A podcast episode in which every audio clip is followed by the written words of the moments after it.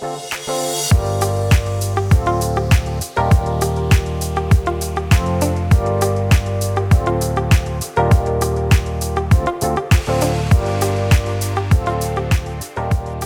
Ja, välkomna till Högräntepodden avsnitt 22. Det är jag som är Stefan Westfeldt. Gustav Wandåker. Lars Möller. Då ska vi se, nu är vi nästan i Lucia-tider. Och eh, vilket firande vi har framför oss eh, i dagens podd ska ni veta. Vi har faktiskt en person här som vi är så glada att välkomna. Det är Marcus Svedberg. Välkommen eh, Marcus. Tack Lars, kul att vara här. Ja, roligt. Jättekul att du är här. Ja, ja, det är riktigt skoj. Det är verkligen eh, en, en ynnest att få in dig här Marcus som, som gäst hos oss. Lite bakgrund snabbt innan jag släpper in dig Marcus själv.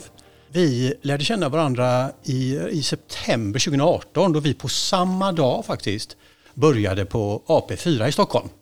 Eh, Har Stämmer. du samma bild Marcus eller? Ja, men jag, har ett vagt, jag har ett vagt minne. Ja det är bra, tack tack. Jag ska bara kolla att han är med här. Hur gick det för AP4 efter det? Upp, Ja, du, du ser vi är fortfarande på väg upp. Det, ja, det har varit en ja, jättekul tid. Och vi kom in samtidigt där och jobbade tillsammans på lite olika sätt. Marcus var då ja, chefekonom eller chefstrateg på AP4 och vi återkommer till vad Marcus gör nu. Då, då. Men där träffades vi första gången. Det gick ju fort att förstå att Marcus var duktig, erfarenhet och så, men också att han kom med en, skulle jag säga, ovanlig grad av humor. Va? Jag vet, jag tror det var första veckan hade jag redan börjat gnälla över att det inte fanns några whiteboards. Du vet, det går ju fort va? Finns det inga whiteboards? Ja. Och då, när han hör det, då sitter han bredvid mig och säger så här, du, ehm, om du går bort där eh, så, finns det en skylt, det står 1984.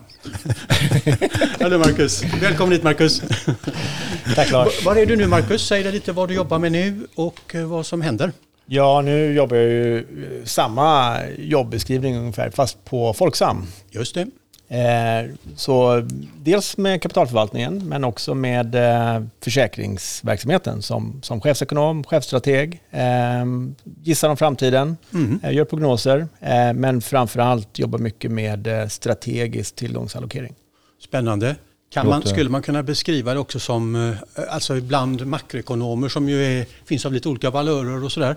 Det är ett ganska brett jobb i den meningen. Eh, Att du ligger an mot en hel del frågor som kanske inte alltid nödvändigtvis kommer in i någon som är här, dag till dag fokuserad i marknaden och sånt. Ja, men det gör det. Eh, Och vi kanske kommer in på några, men en sån sak är hållbarhet. Mm. Jag tror Ja. alla ekonomer som, som, som har liknande arbeten idag har fått tvingas att lära sig hållbarhet. Vad Ja. betyder klimatomställning? Vad betyder hållbarhet? Från ett makroekonomiskt eller ett marknadsperspektiv. Så det är Mm. en sån sak. Kul. En annan sak som jag alltid har jobbat mycket med är polit, politiska aspekter. Eh, både nationell politik, geopolitik, internationell, internationella frågor. Ja. Och det är ju någonting som fortsatt präglar marknaderna väldigt mycket. Ja. Jättespännande och det är några saker som vi tänkte från poddens perspektiv och våra perspektiv eh, diskutera med dig idag. Och då, så en av de sakerna. Är det någonting jag tänkte kring, eh, eh, kring kanske specifikt möjligen Marcus, själva kapitalförvaltningsdelen på Folksam? Eh, säga någonting om eh, bara hur den är strukturerad lite grovt kanske. Finns det några high yields där vill man ju veta det. Eller det vill man. Stefan, Gustav? Och gör det inte det så vet vi att det inte är bra. Men varsågod. Ja, nej men eh, två, två stora delar. Det ena är den traditionella förvaltningen, tradden i finans, finanssammanhang. Och det är en 500, drygt 550 miljarder, eh, Okej. långsiktigt allokerat. Eh, 40% aktier, 40% räntor, 20% alternativa investeringar. Mm. Och så finns det ju en fondplattform för fondförsäkringar med Ja, ytterligare en 220 miljarder någonting. Och det här är ju framförallt då den traditionella förvaltningen, det är ju långsiktig pensionsförvaltning. Ja. Och, och man gör ju inga stora förväntningar, utan det handlar ju väldigt mycket om lång, långsiktiga teman, långsiktiga övertygelser. Men sen finns det ju också en finansieringssida som man måste förhålla sig till, vilket driver ganska mycket, mycket risk man kan ta och mycket, mycket man vill ta, solvensen i, i, i bolagen och så Ja, vidare. såklart. Eh, högräntor. Eh, ja, alltså under väldigt lång tid så, så var det ju inte så mycket räntor att, att, att, Nej. var tala om. Eh, inte ens i högräntemarknaden var det så, höga, så höga, höga räntor. Men nu så är ju allt mer högräntor. Va? Och det är ju ett, ett, någonting Ja. att förhålla sig till. Men det vi det jag tror att du menar med, med högränta så har det inte varit en, en stor allokering till, till högräntemarknaden. Eh, Nej. men det är väl lite typiskt för det vi har ju pratat om eh, oljefonden eller petroleumfonden och vi har pratat AP-fondsystemet som inte heller är eller långsiktigt i alla fall allokerade till eh, högräntemarknaden. Så det vi, vi är inte helt förvånade av att det inte finns mycket av det. Nej, nej men, hos något försäkringsbolag egentligen. Nej, men så är det väl typiskt. Tittar man, det är väl lite typiskt så då. Mm. Och skäl som vi kanske kan återkomma till här. Men, men så, så, ser det ut. Toppen Marcus, tack för det. Eh, jag tänkte bara mm, kapitalförvaltningen igen där då. Ehm, det, det, placerar er med de här summorna som du nämnde kring AOM och, och storlek på portföljer. Det placerar er sannolikt då topp tre i Sverige storleksmässigt eller något sånt där eller? Ja, men någon, någon det beror på lite på hur man räknar. Men om hur man Räkna till din fördel, det brukar du göra. Ja, ja men säg topp fem. Top fem ja. ja, men kul. Ja, men då har vi lite pendang där och idag, eftersom jag har varit kollega med Marcus och jobbat nära, så det här avsnittet kan man säga, det vänder sig också till eh, de som inte kan vänta på 2024. För att eh, det mesta kommer gås igenom idag. Så ta fram papper och penna nu så ni är redo. Det är det ena. Och det andra är att eh, vi snackar ju inte mysmakro här bara, Marcus, eller hur? Det är liksom inte välj det du gillar makro eller, eller jag har någonting för alla makro. Utan det här är ju, makro, det här är ju avkrävande makro. Ja, och det är alltså inte, det här får man vara vaken. Ja, och det är inte Nationalekonomiska föreningen, utan, utan nu är det, mark, det är marknadsmakro. Nej, men, eh, jätte, jättespännande att du är här. Och vad som jag tycker känns extra passande så här i slutet på ett år är att försöka blicka in i nästkommande år. 2024 och, och, och, om vi bara börjar lite brett då, vad, vad ser du där för, vad är, är det en återhämtning som vi kommer få? Och, och, och vad kan eventuellt störa den om vi börjar där? Om jag börjar bakifrån. Det är väldigt mycket som kan störa eh, utblicken. Eh, inte minst inflationen.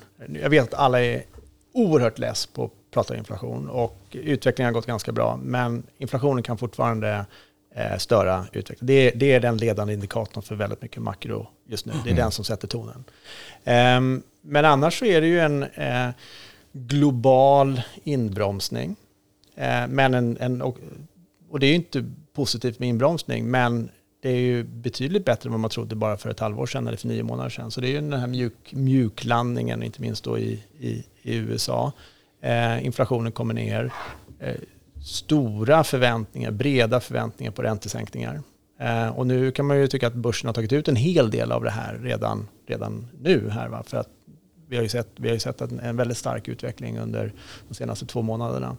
Eh, sen, sen, tycker jag att det finns oerhört mycket politik. Eh, det är penningpolitik, det nämnde jag. Finanspolitiken kommer kanske komma, komma tillbaka in, in i ekvationen när inflationen kommit ner. Vi har mycket geopolitik. Och dessutom har vi ett supervalår 2024. Verkligen. Hälften av jordens befolkning går till val. ja, det är intressant. Det är stort. Ja. ja, det är verkligen stort. Jag tänkte på det, nu är vi här för att höra dina åsikter och diskutera med dig Marcus i första hand. Men jag vet inte riktigt om du, om du har möjligheten till den utblicken samtidigt med ditt dayjob. Så. Men mitt intryck är att liksom i hälarna på de här senaste åren kanske eh, och uppbyggnaden av en hel del osäkerhet trots allt så är det alltid så att vyerna ska ju spänna lite så att det blir något spännande. Men skulle du hålla med om att utsikterna säg för 2024 i någon vid makromening den spridningen mellan liksom, eh, eh, ja, prognosmakare då, att den är liksom lite ovanligt vid eller skulle du säga att folk liksom orkar inte ta ut det utan man håller sig lite till det här softlanding och så för att det känns ändå lite tryggt. Vad, har, du någon, har någon känsla för det där eller? Ja, men jag skulle säga att eh, när det kommer till inflationsutsikterna så, eh, så är de väldigt, väldigt eh, nära.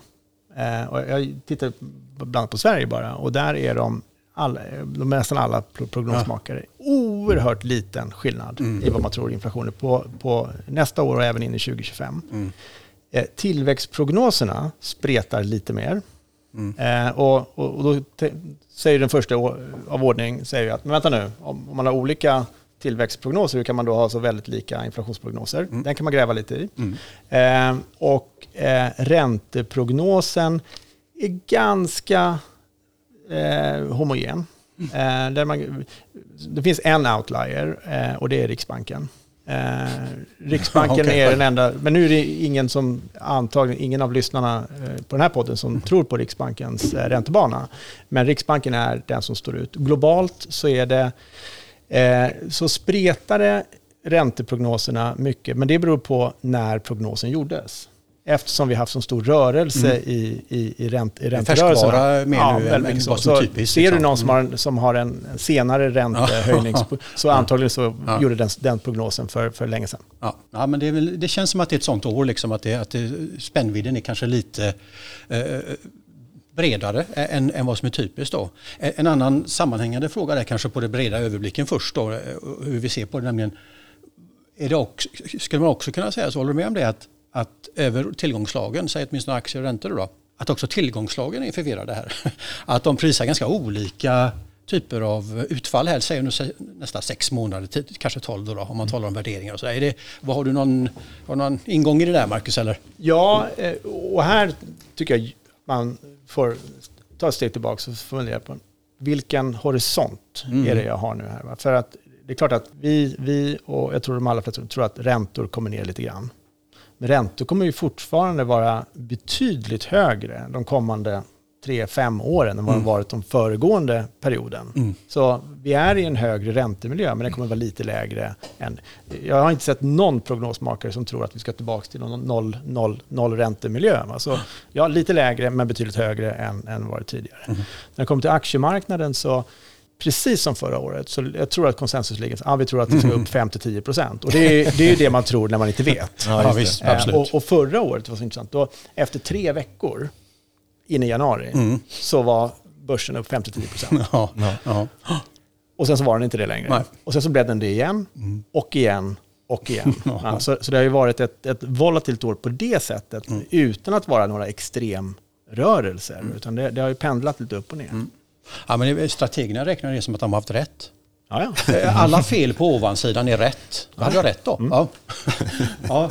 Nej, men det ger väl en liten, liksom en liten pendang här till liksom vad, vad, vi, vad vi står inför här. Och, och återigen det här liksom årets, de här sista åren som har gått är på något sätt eh, det är alltid en utmaning att, att, att, att, sätta tänderna i liksom breda makrotrender och sådär. Men, men på något vis känns det som att flera typiska liksom ansatser är, är liksom utmanande av flera skäl här när vi, när vi nu har gått igenom då allt ifrån pandemier och på, pågående krig och, och det är liksom det här med geoekonomi som har börjat spela roll med onshoring och så. så det, på något sätt känns det som att att förutom de verktyg som alltid måste till för att jobba med så krävs det liksom ett lager av ja, tänka lite nytt och formulera sig lite annorlunda kanske än, än vad man har gjort under lång tid. Och jag tycker det, det på något sätt speglar lite vad som händer i marknaden också. Va? Det, det, det, det, är en, det är en intressant tid och, och typiskt sett brukar det betyda att, att den sortens osäkerhet i varje fall som, som vi kanske beskriver här då, den är också gynnsam för de som har lite nisch i sina, edge i sina marknader som kan, som kan förstå sin marknad i de här nya förutsättningarna och faktiskt tjäna lite pengar på det. Då. Så det är spännande.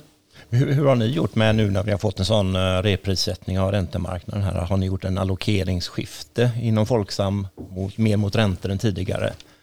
Nej, vi har faktiskt inte det, utan vi har snarare faktiskt ökat på eh, risken lite mer. Men dels för att vi har eh, från solvensmöjligheter så ger oss det att vi kan öka på, ta mer risk. Och eh, vi har haft en i grunden ganska konstruktiv syn på, på, på marknaden och på risk som som det här året har ju varit, varit korrekt. Så vi har haft utrymme att ta mer risk och vi har tagit lite mer risk. Men det är ju inte någon, några enorma om, omallokeringar, utan, utan det är snarare mer det att det räntebenet som vi har, där får vi, får vi bättre betalt för. Ja, just det. Just det. Och då kan man ta lite mer risk också för man vet var ränten, en högre räntenivå bidrar positivt. Ja. Jag tror ett, ett sätt att, att, att se på det där, det är att ja, men nu vilar vi på fler ben.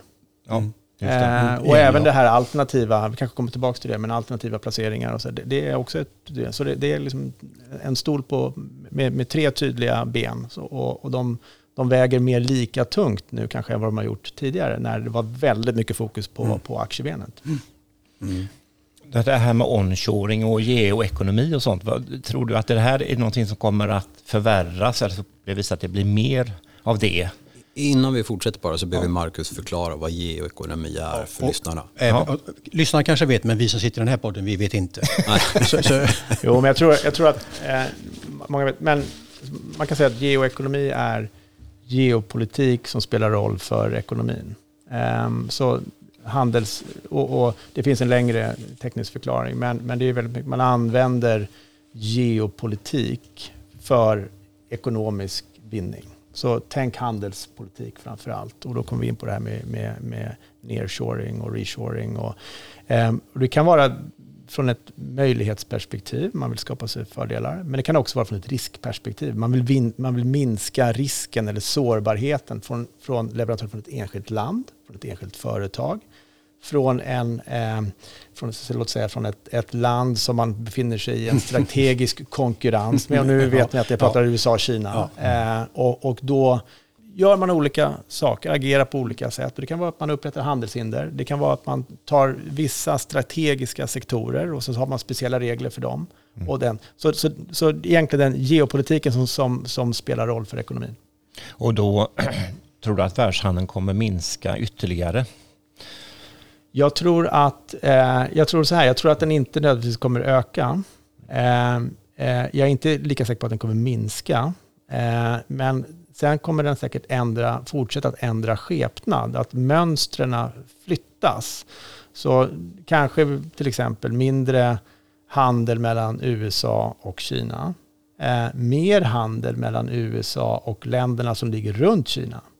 Eh, mm. Och, det, och, och, då är det väldigt frestande att säga att ja, det är på grund av handelskriget mellan USA och Det är en faktor, men en faktor är också att Kina idag har blivit så, eh, så rikt eh, och arbetskraften är dyrare och att det finns rent ekonomiska skäl att lägga produktionen i Vietnam till exempel. Så, så man ska vara också lite försiktig med att mm. dra de här allra längsta slutsatserna eh, kring det här. Eh, eh, att man gör reshoring, ja det, kan, det skulle till exempel kunna ha med, med hållbarhetsfrågor, klimatfrågor mm. att göra. Jag säger inte att det har det, men det kan också vara den, den aspekten som spelar in.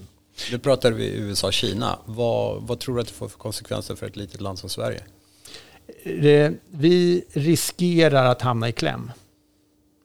Vi riskerar att väl, tvingas välja. Jag, jag, är inte säker på att vi måste göra det överallt och i alla sammanhang, men risken är där. Och det är inte bara för Sverige, det är även för Europa. Och många andra länder som, som hamnar någonstans mellan den här stormaktspolitiken mellan USA och Kina. Och det, det är inte, till exempel inom, inom 5G-teknologi. Eh, tech är ett sådant område som är känsligt. Eh, det kan vara försvars, försvars, eh, försvarsexport. Eh, vi ser försvarsinvesteringar ökar väldigt mycket. Eh, och här finns det ju, det här är ett typiskt sådant område där, där geoekonomi tenderar att spela roll. Eh, ett annat område som jag eh, hoppas inte kommer påverkas, det är ju råvaror och framförallt då, jag kallar dem ibland den nya generationens olja och det är ju alla de här råvarorna som ska in i den gröna omställningen. Mm. Sällsynta jordartsmetaller, andra, andra typer av metaller, där Kina kontrollerar en väldigt, väldigt stor del av produktionen idag. Det finns ju så inslag av weaponizing kan man ju säga lite i, i det där och som går mot politik, maktintressen och försvara sina... Men jag tycker det är intressant det du pratar om, kanske, kanske drar av olika skäl det här, den här tendensen mot att klustren blir mer integrerade liksom regionalt i någon mening då. Jag menar, hur länge har inte USA haft, man tittar, jag kan inte amerikansk handelsstatistik på det sättet, men jag misstänker att om man tittar på de två första raderna så borde Mexiko och Kanada komma ganska högt upp. Liksom, va? Och, och jag misstänker att eh, med, i kraft av inkomstutveckling och storlek så kan Kina också gå liksom lite grann i den riktningen på något vis. Då, då. Så ett, ett, jag vet inte, det är kanske lite lång, långsökt perspektiv men jag, det jag hör här är det, här, det kanske påverkar handel, global handel så som vi tänker på den lite negativt på marginalen, möjligen. Men frågan blir samtidigt hur mycket påverkar det global produktion? Alltså det är inte möjligt att den här globala handeln är, är där men, men, men det behöver kanske inte betyda att den globala produktionen av, och innovationer för den delen då, eh, kanske är, begränsas så jättemycket av det här. Jag, jag, jag vet inte. Själv är jag ju gammal sån globalhandelsvän och, och sånt. Va? Så, så det här känns ju inte alls bra då i, i min gatt. Men, men, men, men, finns det sådana aspekter här som faktiskt kan på något sätt kompensera för de här, eh, jag vet inte, känslan av att, att världen liksom dras i motsatta riktningar? Sådär. Jo, nej, men det, så är det och jag tror vi ännu inte har sett att, att, att det minskar utan men ök, handels ökningstakt, mm. den, den har, vi har nått någon, någon, någon platå där. Men sen, sen ändras det ju också, mer och mer av de här globala flödena handlar ju mer om tjänster. Handlar mer om mm. information. Eh, mm. Eh, och det är inte nödvändigtvis eh, prylar som man ska skicka runt, som vi, som vi har liksom varit måttet på, på det här tidigare. sen för, för ledtrådar vart, vart, vart vi är på väg så tycker jag att man ska titta väldigt mycket på medelstora eller potentiellt stora ekonomier som Indien till exempel sitter ju väldigt intressant sitt, sitt, sitt så här, alltså både rent geografiskt men också eh, förhållande till, till, både till Europa och Kina och USA. Det är en mm. väldigt spännande sit, sit, situation. Och det, mm. men det andra vägen man kan, det är ju att prata med företagen. Och inte minst i Sverige, st mm. våra stora in, globala industriföretag mm. som, som har världen som, som, mm. som sin marknad. Mm. Det här låter lite inflationistiskt. Alltså det, det, låter som att vi kommer ha en del inflationsproblem framöver med den här eh, lite mer, med mer handelshinder, mer geopolitik, politiska problem och sånt. Svaret, svaret är ja. ja, ja. Så då, då, eh, vi får räkna med högre räntor helt enkelt. Mm. Samtidigt så känns det lite konstigt om alla är helt överens om vart inflationen ska ta vägen och så finns det en hel del osäkerhet kvar. Jag, jag tror det här, bara, och det är, det är, inte bara det här som driver långsiktig inflation. Jag tror även klimatomställningen driver, driver är inflationistisk. Nu pratar vi inte 5, 6, 7 men, men några tiondelar. Och när vi har kommit ner, fått ner inflationen eh, någon gång under nästa år och kanske kommit lite under inflationsmåttet. Det, det är då vi kommer börja oroa oss för det långsiktiga inflationstrycket mm. från den här typen av tendenser. Mm. Just det. Och det, precis, jag, också sådär, jag tror också liksom, jag, jag, bara känner att det må vara så att på något vis det, prognoser och annat är, är liksom lite spridning och folk är lite överens så, men på något sätt, för mig blir ändå utgångspunkten här, när vi ska ta, ta oss ner från de här höjderna på inflation, som vi gör, jag, jag vet, men att ändå utgångspunkten här kan ju vara att det här kan ju inte vara så smidigt och soft landing som det, som det tycks vara. Jag menar, vi kommer att ha realräntor på, kort, på, på penningpolitiken, Marcus, här vet mycket bättre än mig. Men jag menar, bara någon sorts grov föreställning om realräntor och åtstramningstendenser på den globala penningpolitiken kommer ju ligga med, i mitt huvud i alla fall, inte över ett halvår utan över ett antal år tror jag. Och, och, och, redan där tror jag att det, den här miljön liksom är, kommer att vara så annorlunda än den som man har vaggats in i för, för, under de senare tiotals år. Så. Ja. Ehm, håll, håll, inte med nu Marcus. Nej, men för, för alltså, jag, jag, så här, när man, när man, gör, när man gör prognoser så, så ehm, och det här stångades vi med en del på, mm. när vi var på 4 men eh, i slutet av prognosperioden, oavsett hur lång period, då är man alltid i jämvikt. Ja, så är det ju. Um, det är därför alla, alla, all, all, alla inflationsprognoser alltid slutar på två. ja, ja. Uh, och, och, man kan diskutera, har jämviktsläget förändrats? Har världen mm. strukturellt blivit annorlunda? Mm. Och då kan man säga, ja men jag tror ändå att långsiktigt att det finns några sådana inflationistiska tendenser som, som, som vi måste... Då, då, då får jag lägga in en högre inflationsprognos. Då kanske det inte är två längre, då kanske det är två och en halv. Och då kanske räntorna ska vara en halv procentenhet högre allt annat lika. Och, så och, och därför man, sen är det ju, hur hamnar vi där då? Mm. Hur volatil kommer den processen vara? Hur långt kommer, tid kommer det ta innan vi når det här nya jämvikten? Va? Men, men jag, jag, jag, tycker om att utgå från att ja, men någon gång, man, man måste ha en mm. vy. Jag tror man, det, det, hjälper om man har en vy på vad är normalt, mm. vad är jämvikt. Sen kanske vi aldrig är där, men ändå för att rätta, leda tankarna lite grann. Och det här med AI och sånt, det finns ju motkrafter då mot hög inflation produktivitet och, och kanske AI kan vara räddningen här om några år. Ja, och teknologisk utveckling har ju ganska ofta varit räddningen för global tillväxt och, och att vi, vi ska kunna växa på utan att då få, få allt för hög inflation. Och eh, det vore ju mer konstigt om det inte blev räddningen även den här gången. Eh, framförallt när vi liksom globalt börjar få ont om arbetskraft. Mm, eh, inte minst i, i, väst, i väst, västvärlden. Så jag säga att det finns åtminstone stora förhoppningar om att AI ska kunna mm. vara den här produktivitets... Eh, och, och, och, när vi är inne på AI och, och teknologi, mm. kanske även för den gröna omställningen, mm. att tek, teknologisk utveckling är det som faktiskt kommer eh, rädda oss, eh, snarare än, mm. än politiken. Eh, och även hela den pjäsen kring hållbarhet och behoven kring omställning, transition, skydd av, mot risker och sånt. Hela den, ja, vad ska man kalla det för, hela den, hela den kraftfulla utvecklingstendensen. Den, och den, den spelar också in, tänker jag, eh, Marcus och, och ni andra, åtminstone då, från, som makroekonomen är, åtminstone i, i, i två riktningar. Det ena är väl, vad betyder det här för, för liksom, eh, eh påspädning på efterfrågan och kanske rent av inflationstryck då, eller tendenser. Det, det är det ena. Och det andra är ju vad det också gör för prissättningen, alltså för, för ränteprissättning och behovet, eh, efterfrågan på kapital och sånt. Då, då. Så det, det känns, det är en fråga som naturligtvis är av sådan vikt att den lever sitt eget liv, den står på egna ben, men den, den, den, den föder potentiellt sett kanske ganska tydligt in även i en medelsiktig idé om vad makro och konjunkturen kan, kan tänkas göra då framöver. Jag vet inte hur du tänker på det Marcus. Men... Jo, men, men, det tror jag. Men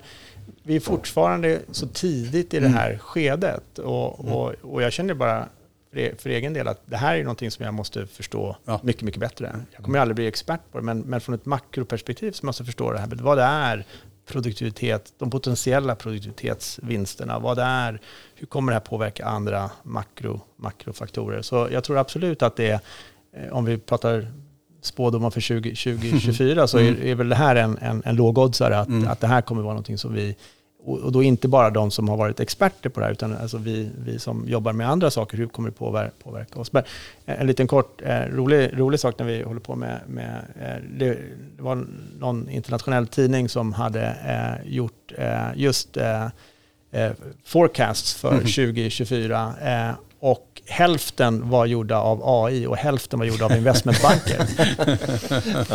och eh, jag fick nio av tio. ja, vad du sa, det var lite kul. Ja. Ja, Nej, men, jag får sticka ut hakan här. Är det så att... Gör det, Stefan. Ja, jag, nu gör det. det. Lika nu gör det. Nej, men det här med, med investeringsbehovet nu för den gröna mm. omställningen. Är det så stort att vi inte kommer ha en lågkonjunktur här på, på sju år? Ja, men bra fråga. Eh, potentiellt ja. Eh, så jag, jag, har, eh, jag har räknat lite baklänges för Sverige. Eh, vad, vad, som behöver, vad som behöver göras för klimatomställning och klimatanpassning.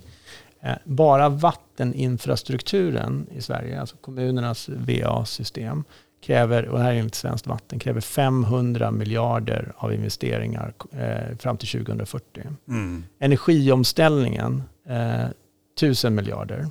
Och sen har vi en hel rad andra, andra områden. Så det, det är ganska mycket pengar. Mm. Ehm, och skulle allt det här göras, skulle det göras på fel sätt så leder det till eh, inflation.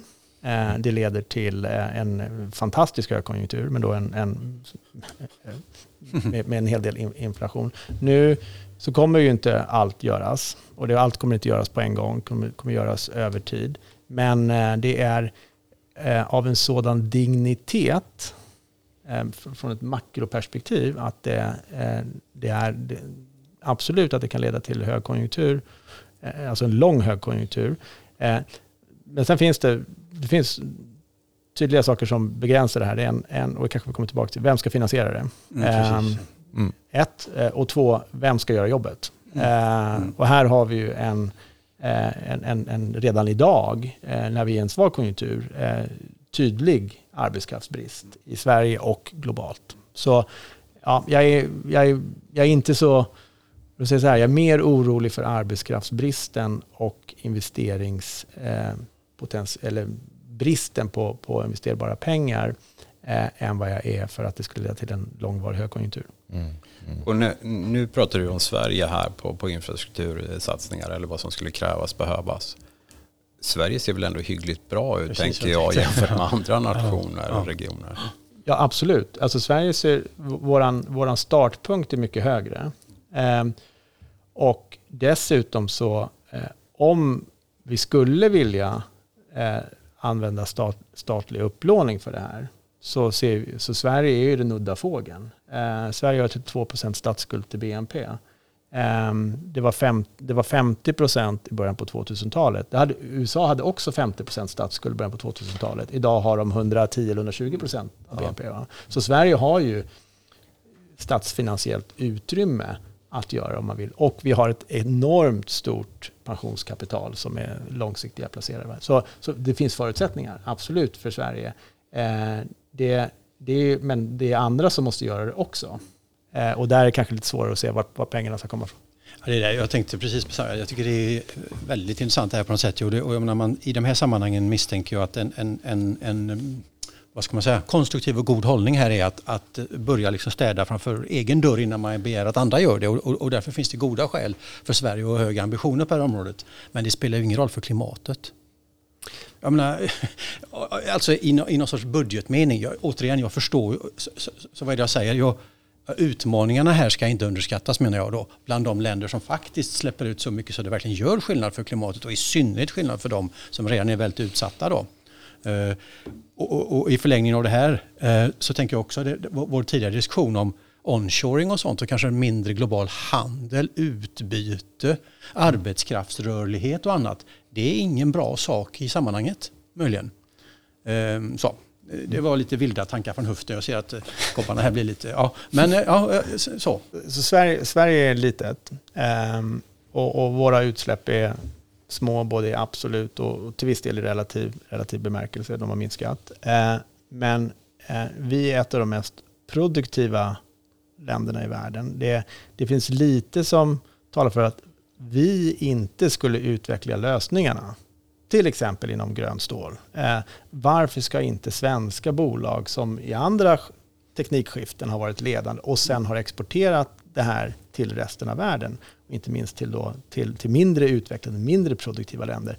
I det här, jag ser ingen skillnad i det här teknikskiftet än i andra teknikskiften. Eh, så så eh, om slutsatsen på det du sa är att ja, men vi borde inte investera i det här. Nej, ja, det var det inte. Men, ja, nej, jag förstår. Ja, men jag, jag, jag, jag letar ju aktivt, Lars, efter saker där vi inte håller med varandra. Och det är ju enkelt. det, det behöver vi inte lägga ner mycket energi på. Nej, och jag tycker det är utmärkt kommentar. Och, nej, och min hållning är inte den, utan min hållning var så. Utan, utan mer då på temat inom ramen för den här kraven på oss alla som handlar om grön omställning så, så tycks det mig vara så att det är en olycklig samman, faller samman olyckligt med de andra tendenserna vi pratade om som hade att göra om potentiellt sett mindre av global handel, mindre av om det nu är arbetskraftsrörlighet, mindre av spridning av innovationer och annat. Det, det tycks vara ett väldigt ett paradexempel det här med grön omställning på där just de krafterna är, är som kanske allra nyttigast. Då. Så, så det är mer så. Mm. Mm. Jag med. Ja. Sen har vi ju detta med eh, amerikanska valet. Jösses. Marcus, Ska vad, vad kommer hända? Ja. Ja. Nu sätter vi oss tillbaka bara här och lyssnar Marcus, för nu men, vill vi veta något. Ja, men eh, så här. Eh, oavsett vad som händer, nästan oavsett vad som händer, så kommer det vara dåligt. eh, och, det är en kommentar i högräntepoddens anda kan jag säga. Jag höll på att säga, det låter som vilket amerikanskt val som helst. Ja, fast, fast det här är... Eh, och jag är på... Jag har ju den som, som en tumregel att politik sällan får stor marknads eller ekonomisk det, blir, det tenderar att bli lite mer stimulanser, det blir lite avreglering och sådär. Marknaden jublar. Eh, det brukar vara ungefär det. Men jag skulle säga att den här gången finns det risk för att konsekvenserna blir mycket, mycket större. Eh, återigen, oavsett vem som vinner. Eh, och, och, och då, vanligaste pushback, nej men det är väl bra om, om, om Demokraterna vinner. Det brukar vara, I Sverige brukar det vara det man, man vill. Och framförallt, framförallt att Trump inte vinner. Ja. Eh, och det är mindre dåligt än att Trump vinner, helt klart. Men det är en exceptionellt svag presidentkandidat. Mm. Eh, och svag både i fysisk mening och i politisk mening. Eh, han är oomtyckt. Eh, en av de få som är mindre oomtyckt är, är hans vicepresident. Um, och uh, han möter en kandidat som är, ja vi vet, mm. alla starka orden har använts. Han är ännu mindre, uh, eller han är ännu mer uh, galen den här gången än vad förra gången. Jag bodde i USA under förra, förra presidentkampanjen och då fanns det en, en förhoppning att ja, men när han väl väljs så kommer systemet att liksom disciplinera. Institutionerna kommer disciplinera. Det var inte fallet. Mm. Och nu ser vi resultaten av det med alla de här rättsfallen.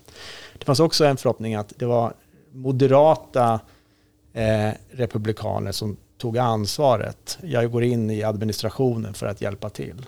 Det kommer inte hända den här gången. För att de vet vad som händer med dem. De hamnar i fängelset. Så, så det, och, och, och den falangen av Republikanska partiet är ännu mer extremt idag. De tror inte på sanning, de bär vapen, de har stormat kongressen en gång. Eh, så seriösa kommentatorer i USA, även på republikanska sidan, skriver på ledarplats på mm. de största amerikanska tidningarna att, att det finns en risk för den konstitutionella och demokratiska stabiliteten i USA. Mm. Det är hisnande, nu, verkligen. nu säger jag inte att det här, allt det här kommer hända om, om Trump, men det finns en risk. Och det finns även en risk att om då, kommer jag tillbaka till det här grundscenariot, att, att låt säga att, att Biden vinner med, med en liten majoritet. Det brukar ju alltid vara så i amerikanska val, att de vinner med ganska liten majoritet delad kongress. Då kan man vara nästan helt säker på att det blir diskussion, legala diskussioner, att valet var stulet, eh, väljarfusk och hela, all, hela den här cirkusen vi såg förra gången. Och en, en, en, en risk för att också bli fysiska konfrontationer.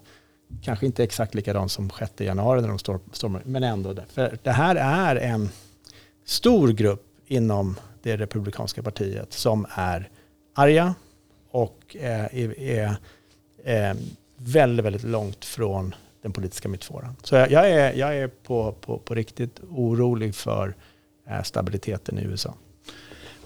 Skulle, ja, jag håller med dig ja. i, i, alla avseenden men om man gör det, om man gör det järva hoppet därifrån då till, till finansiella marknader och sådär mer i allmänhet då, skulle, skulle du säga att eh, är, liksom, är liksom the markets a bit lackluster here?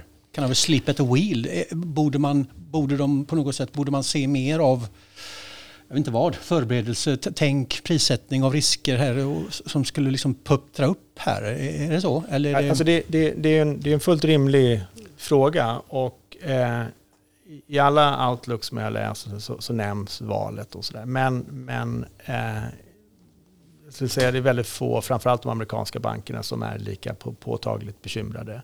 Och, och på sätt och vis så är det korrekt. Vi har svårt att se ja, men vad, vad, om jag tänker igenom det här, vad blir liksom de ekonomiska konsekvenserna och vad blir marknadskonsekvenserna? Ekonomiska, alltså en delad mm. kongress, de kommer inte kunna göra så jättemycket. Nej. Och framförallt så kommer de inte, alltså USA, om vi tänker på finanspolitiken, USA mm. ligger vid full sysselsättning och högkonjunktur med ett budgetunderskott på 7 procent. Mm. Mm. År in år ut. Ja. Skulden ökar bara. Så, och det, det kommer inte bli någon förändring. Demokraterna har lärt sig att det är ingen som tackar oss för att vi mm. drar ner på budgetunderskottet. Så det ligger och det, det kommer inte ändras. Så ja, då är det mm. viss, visst stöd där. Eh, så ja, då kanske inte blir så. Och sen kan de inte göra så mycket andra förändringar heller. Och, ja, så då blir inte effekten så jättestor. Inte nödvändigtvis positiv heller, för att det blir inte de här ytterligare stimulanserna. Eh, marknaden då? Ja, Eh, hur ska man positionera, om man nu är orolig, hur ska man positionera sig för det här? Det är ju jättesvårt. Mm. Och, och går det riktigt illa, alltså det blir global marknadsoro, mm. och vad köper vi då? Ja, då är det flight to safety. Då ja. köper man amerikanska tillgångar. Ja. Så, så, ja, det är så, så, ja, och, så, så det här är, det är därför det är lite obekvämt det här. För att å ena sidan ta upp det som en, en under underskattad risk. Mm -hmm. Samtidigt är det en, en, en, en, risk som är väldigt, väldigt svår att, Såklart. att, att, att uh, hedga sig mot. Mm. Samtidigt vill ju Trump gärna uh, mäta sin, sin framgång i S&P, uppgång i S&P 500. Så, så, någonstans vill han gärna att finansiella marknaden ska gå bra. Så det finns ju en sån dimension i honom i varje fall. Men visst, när det väl kommer till kritan, vem vet? Um, han kanske inte heller kan förutse hur marknaden kommer reagera på alla hans politiska nycker. Mm. Mm.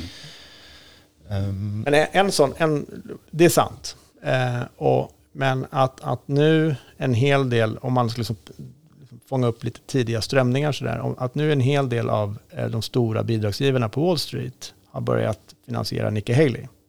Mm. Eh, som är utmanaren inom Republikanska partiet. Eh, det är en indikation på att man kanske tycker att eh, vi kom undan en gång med det här. Mm. Eh, nu så är det ett, en annan, ett, annat, ett annat läge. Mm. Ja, och det här kommer ju bygga upp sig i, i, i rask takt här fram på vårkanten när det verkligen börjar dra ihop sig och, och, och saker och ting utvecklas och det är rättsprocesser som ska hanteras och, och vi får se om Biden är frisk och allt möjligt. Så det, det, ja, det blir intressant. Jag tänkte bara på det du sa med, nu, nu gick vi liksom igenom det kanske de viktigaste punkterna då, då men kanske till och med bortsett från det här valet då.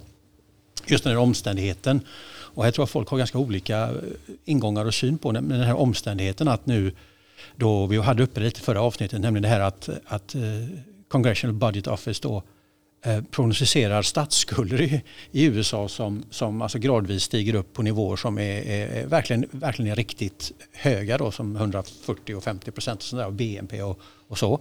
Eh, och, och, en hållning där Eh, är ju att ja, men det, är, det är en reservvaluta, eh, dollarn dollarn, så, så att här finns liksom ett skydd mot riktiga risker på något vis. Då. Men, men återigen, alltså jag, jag tycker ändå att eh, alltså, jag landar i samma där vi började en gång här, här idag när vi diskuterade behovet av kapital för, för omställningar i, i, i grön omställning, i geoekonomiska utmaningar och så vidare.